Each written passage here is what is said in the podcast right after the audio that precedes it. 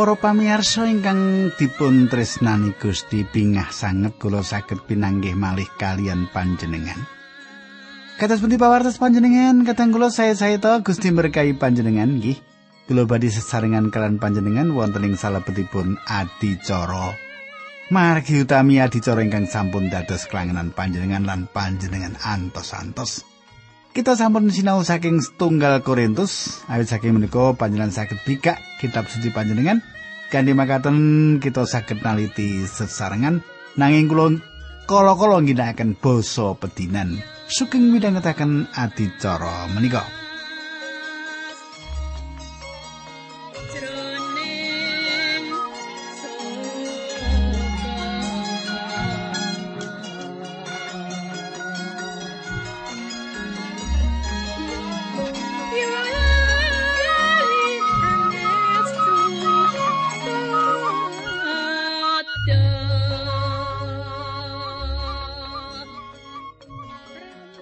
Para pamirsa menapa panjenengan tasih kemutan menapa ingkang kula aturaken untuk nalika pepanggen kepengker ing pepanggen kepengker kula sampun ngaturaken pilih pasaman Korintus gesang kompromi wonten ing salapipun dosa kanthi mangkaten Gusti Allah ngilikaken ngemutaken pesamuan menika. Nah kateng kula saderengipun kita lajengaken monggo kita ndedonga sesarengan. Duh Kanjeng Rama ing swarga kawula ngaturaken gunging panuwun Menawi wekdal menika kawula saged tetunggilan sedherek kawula nyuwun sepatus Gusti berkahi nuntuni kawula kanthi makaten menapa ingkang kawula rembak dinten menika saged atus kegiatan lan kaluhuran paduka. Dinambaran asmanipun Gusti Yesus Kristus kawula netunggal haleluya amin.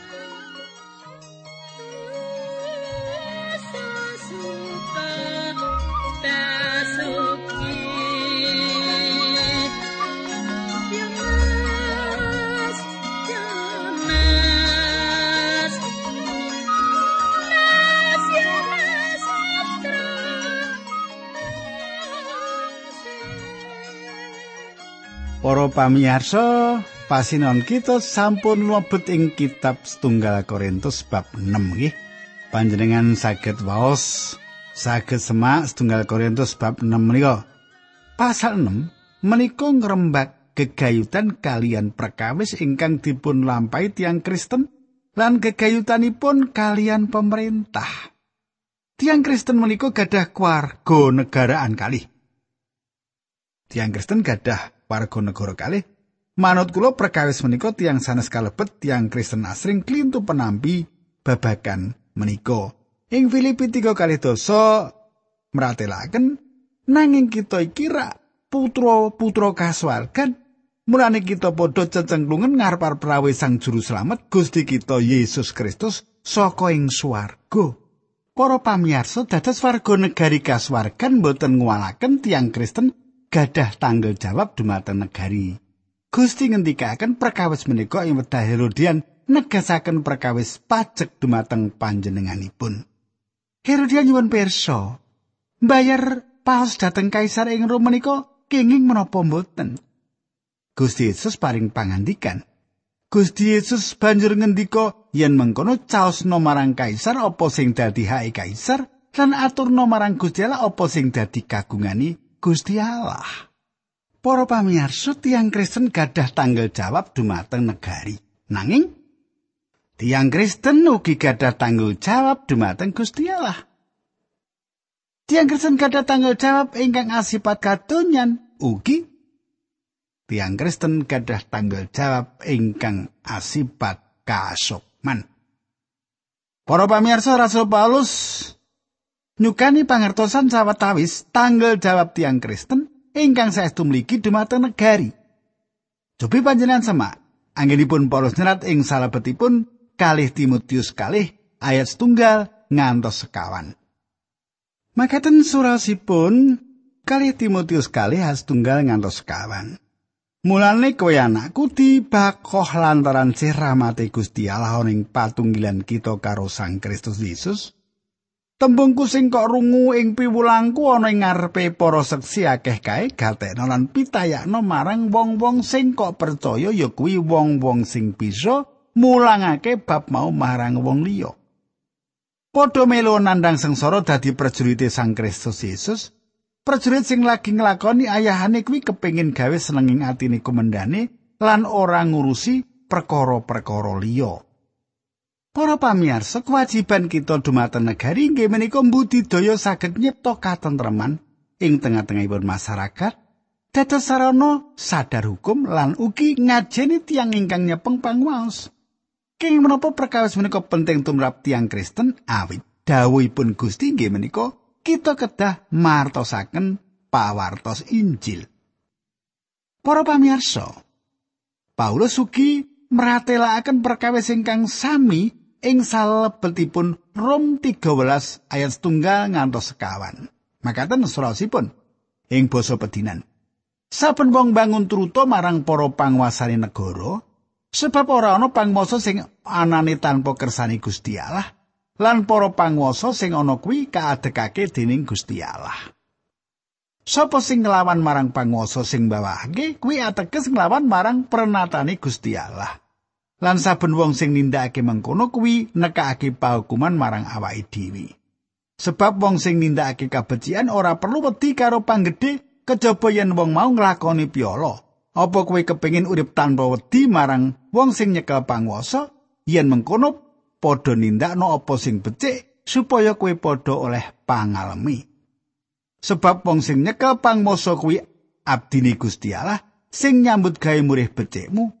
Nanging yen kowe nindakake piala wis sak kowe wedi sebab panguwasa kuwi abdine Gusti Allah wenang hukum lan nindakake bebendune Gusti Allah tumrap wong sing nglakoni piala.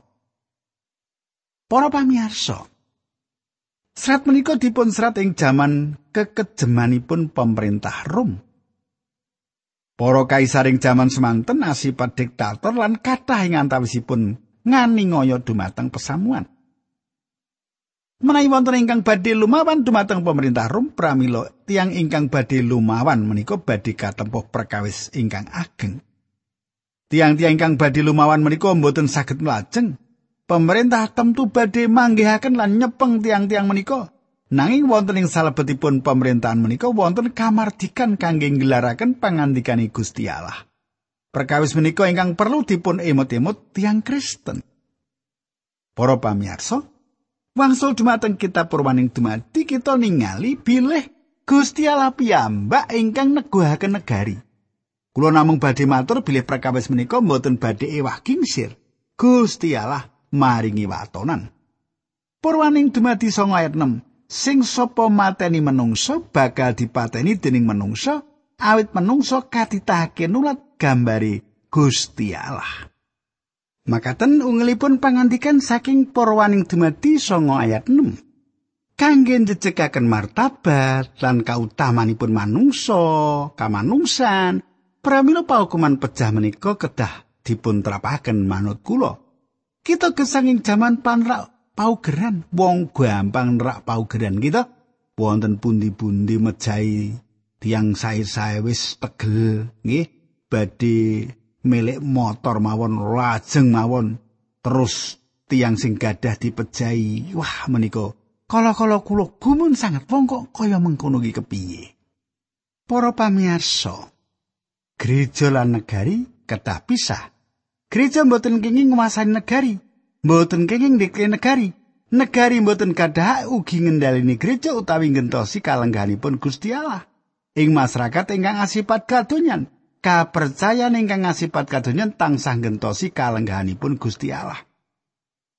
Inggih menika cara manembah Allah modern jaman samenika. Kathah sanget tiyang ingkang mapanaken kapercayan ingkang asipat kadonyan menika minangka gegentosanipun Gusti Allah. Samenika kita maos setunggal Korintus bab 6 ayat setunggal makaten surasipun menawa ana panunggalanmu sing perkaran karo para sedulur kok tegel-tegeli wong mau ngajakake gugatan marang hakim-hakim sing ora wanuh marang Gusti Allah rak kudune wong mau masrahake perkarane supaya dirampungake dening umat Gusti Allah Para pamirsa saged ugi kepiringipun radi aneh kangge panjenengan. Awit kekayutan prakawis menika mbetahaken keterangan. Paulus mboten gadah kekajengan bilih tiyang Kristen mboten perlu bangun turut dumateng paugeran. Menawi tiang Kristen boten mupangataken kauntungan paugeran, tiang-tiang Kristen kalau temtu nandang kerugian ageng ing tanganipun tiang-tiang ingkang dereng wilujeng. Paulus mratelakaken bilih tiang Kristen kedahipun boten ginakaken paugeran utawi hukum kangge lelawanan antawisipun tiang Kristen setunggal lan tiang Kristen sanesipun. Tiang Kristen boten kedah lumawan tiang Kristen sanesipun. menawi wonten benten watonan benten pemanggih wonten ing salebetipun tiang pitados mboten kedah dipun betok ing pengadilan ingkang asipat kadonyan.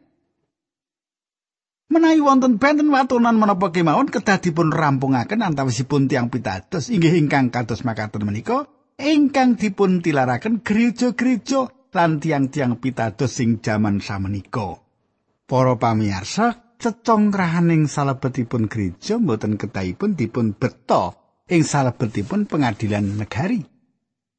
Ing ngajengipun tiang-tiang ingkang boten pitados.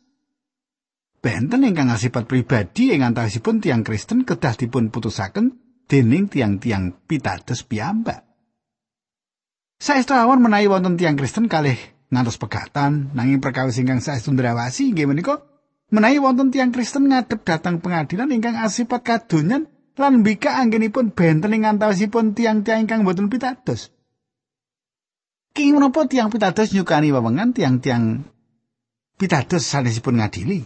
Mboten kok malah beto perkawisipun kangge dipun adili dening jagat ingkang sampun kesasar. Sepida malih menapa ingkang kula aturaken menika mboten ateges nglarang tiang Kristen ngadep pengadilan kalian tiang ingkang mboten pitados. King menapa tiang kalih pitados kedah beto perkawis-perkawis ingkang lelawanan dipun rampungaken dening tiang pitados sanesipun. Paulus nyukani tiga alasan kegayutan kalian kesagetanipun tiang pitados sing salebetipun ngadili. Ayat kalih Apa kowe ora ngerti yen umat Gusti Allah kuwi bakal ngadili jagat iki? Menawa kowe bakal ngadili jagat iki, apa kowe ora bisa ngadili perkara-perkara sing sepele mau? Para pamirsa menawi panjenengan pitados dumateng Sang Kristus. Panjenengan badhe nderek merintah sesarengan kalian Gusti Yesus ing jagat menika ing satunggalipun wekdal mangke. Ingkang kula aturaken menika mboten wonten gegayutanipun kalian pengadilan ing ngarsa dampar petak ingkang agung ingkang badhe dados pengadilan tumrap tiang ingkang kesasar ing ngarsanipun Sang Kristus. Mboten inggih menapa ingkang kula aturaken menika gegayutan kalian putusan pengadilan atas perkawis-perkawis ing jagat raya ngantos kelanggengan. Ongkos tunggal tiang-tiang suci badhe ngadili jagat. Tiang-tiang suci badhe ngadili jagat. Kulo yakin pengadilan menika gegayutan kalian ingkang dipun serat Paulus dumateng Timotius. Kali Timotius kali ayat kali welas. Menawa kita podo tahan kita bakal nderek ngereh karo panjenengane.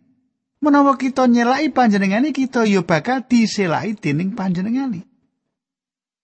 Kulo yakin pengandikan menika leripun kita kedah uwal saking pengadilan atas urusan-urusan kadonyan. Ayat 3 Apa kowe padha ora ngerti yen kita iki bakal ngadili para malaikat? Apa meneh perkara-perkara sing magepokan karo urip ing sadina-dina iki? Angka kali tiang-tiang suci badhe ngadili para malaikat. Para pamirsa ing wekdal Paulus sanjang apa kowe padha ora ngerti panjenengan kedah pitados bilih sederek-derek menika mboten mangertos. Tembung ingkang dipun pratilakaken menika satunggalipun tembung ingkang sopan kangge sanjang bilih pasamuan menika bodho gegayutan perkawis-perkawis menika. Perkawis menika sampun temtu mbikak tetinggalan inggal gegayutan kayektosan. Kula mboten mangertos menapa liripun. Perkawis menika mboten saged kula pahami. Ingkang kula mangertos inggih menika manungsa dipun titahaken langkung asor tinimbang malaikat. Lan lumantar panebusan manungsa dipun angkat ing papan patunggilan kalian Gusti Allah. Kalenggaring sak malaikat. Gusti Allah ugi ngejaraken manungsa dawah. Panjenenganipun boten nate ngidinaken perkawis menika dumados menawi boten ngasilaken kesaenan.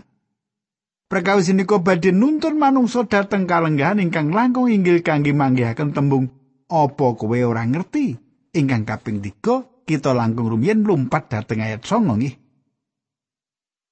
Setunggal Korintus 6 songo 10. Nggih, setunggal Korintus 6 ayat songo ngantos 10. Kowe mesti ya wis padha ngerti yen wong ala mau ora bakal oleh kabejan ning kraton Gusti Allah.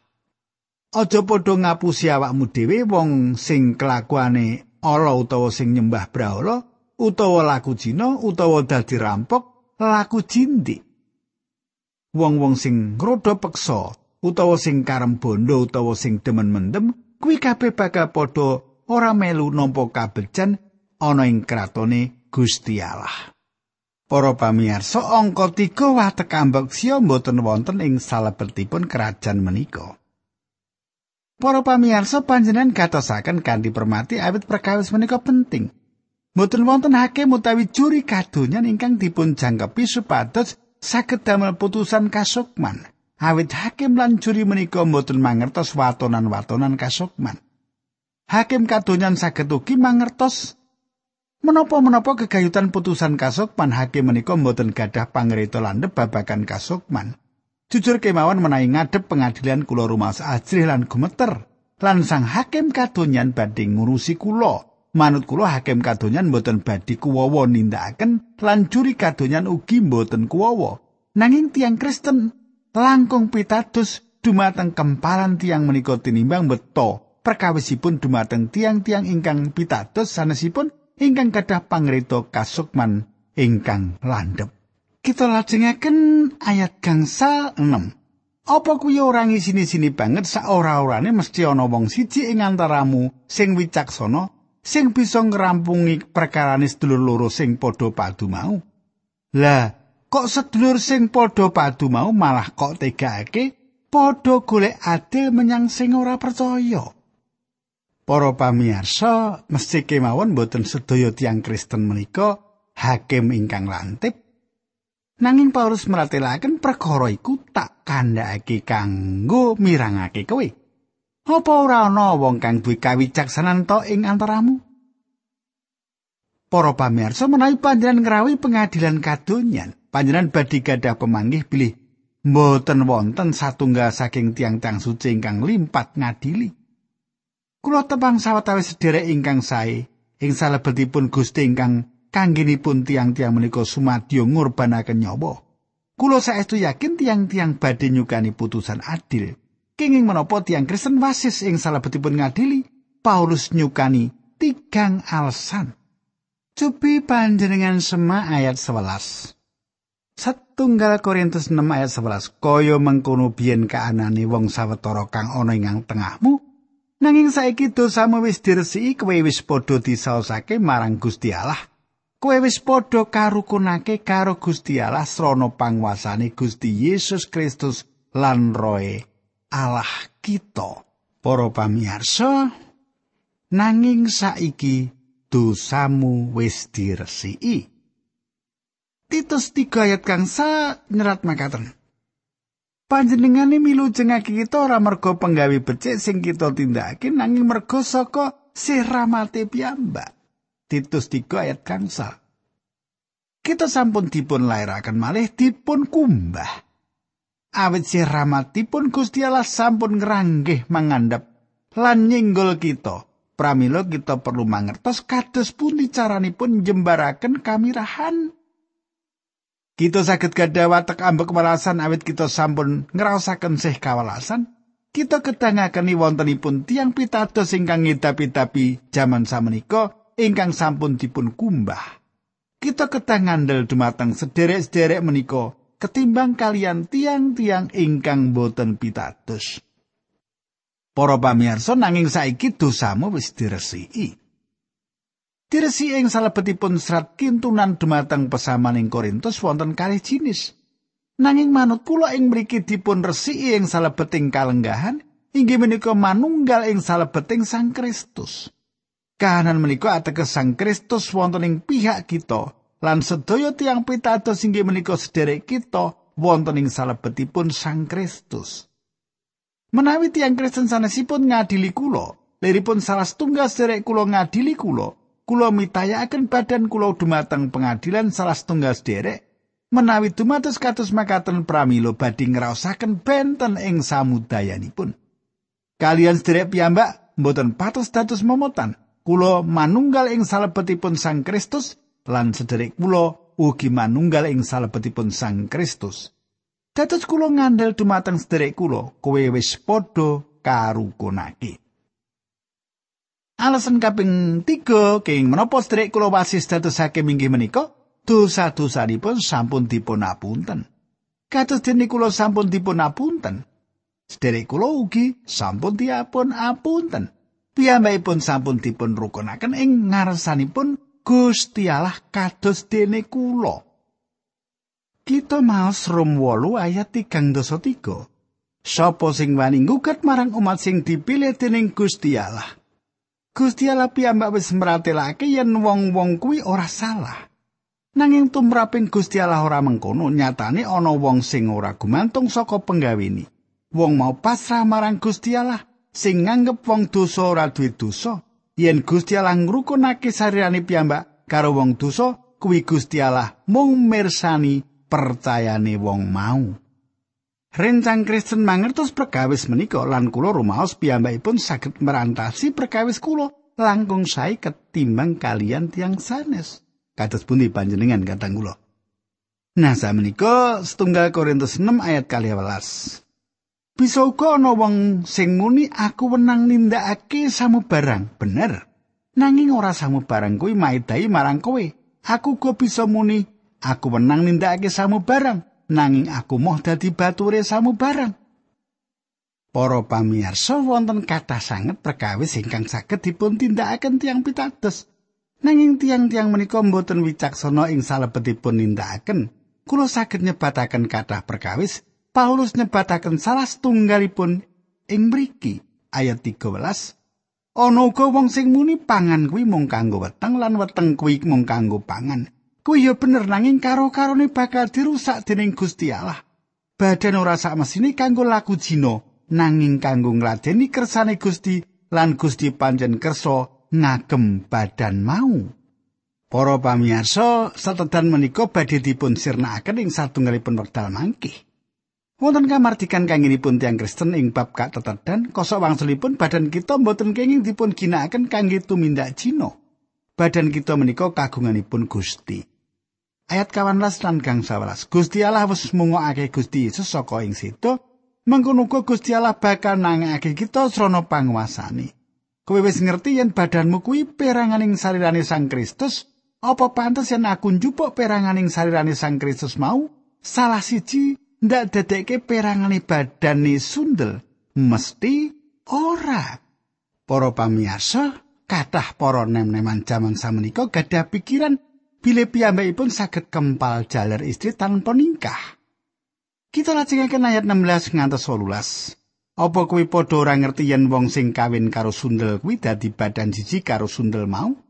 Kaya sing kasebutake dening kitab kelawan cetha mengkene, loro-lorone bakal dadi daging siji. Nanging sing sapa nunggalake badane karo Gusti Yesus, wong mau manut tata rohani dadi badan siji karo Gusti Yesus. Padha ngedohno laku Cina sarupaning dosa sing dudu laku Cina ditindakake dening wong sak njabane badan, nanging wong sing laku Cina kuwi ngrusak awake dhewe.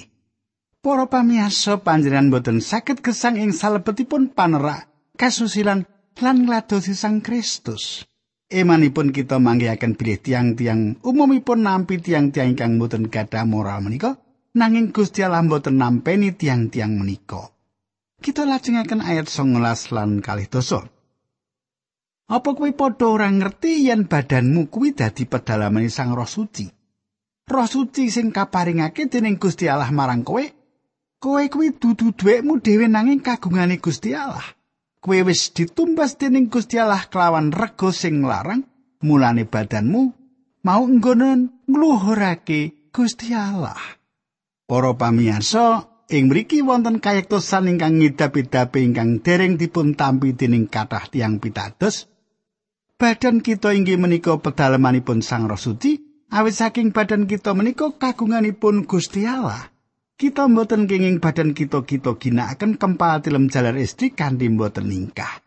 Perkawis menika badhe dipun terusaken ing salebetipun diskusi pernikahan ingkang dados pokok pasal selajengipun. Para pamirsa kita sikik semanten rumiyin monggo kita tumungkul kita ndedonga. Duh Kanjeng Rama matur nuwun sanget dene ing wekdal menika kawula saged tetunggalan. Kawula saged midhangetaken sabda pangandikan paduka. Berkahi Gusti linambaran asmanipun Gusti Yesus Kristus kawula pasrahaken dherek kawula menika wonten ing asta paduka. Haleluya. Amin.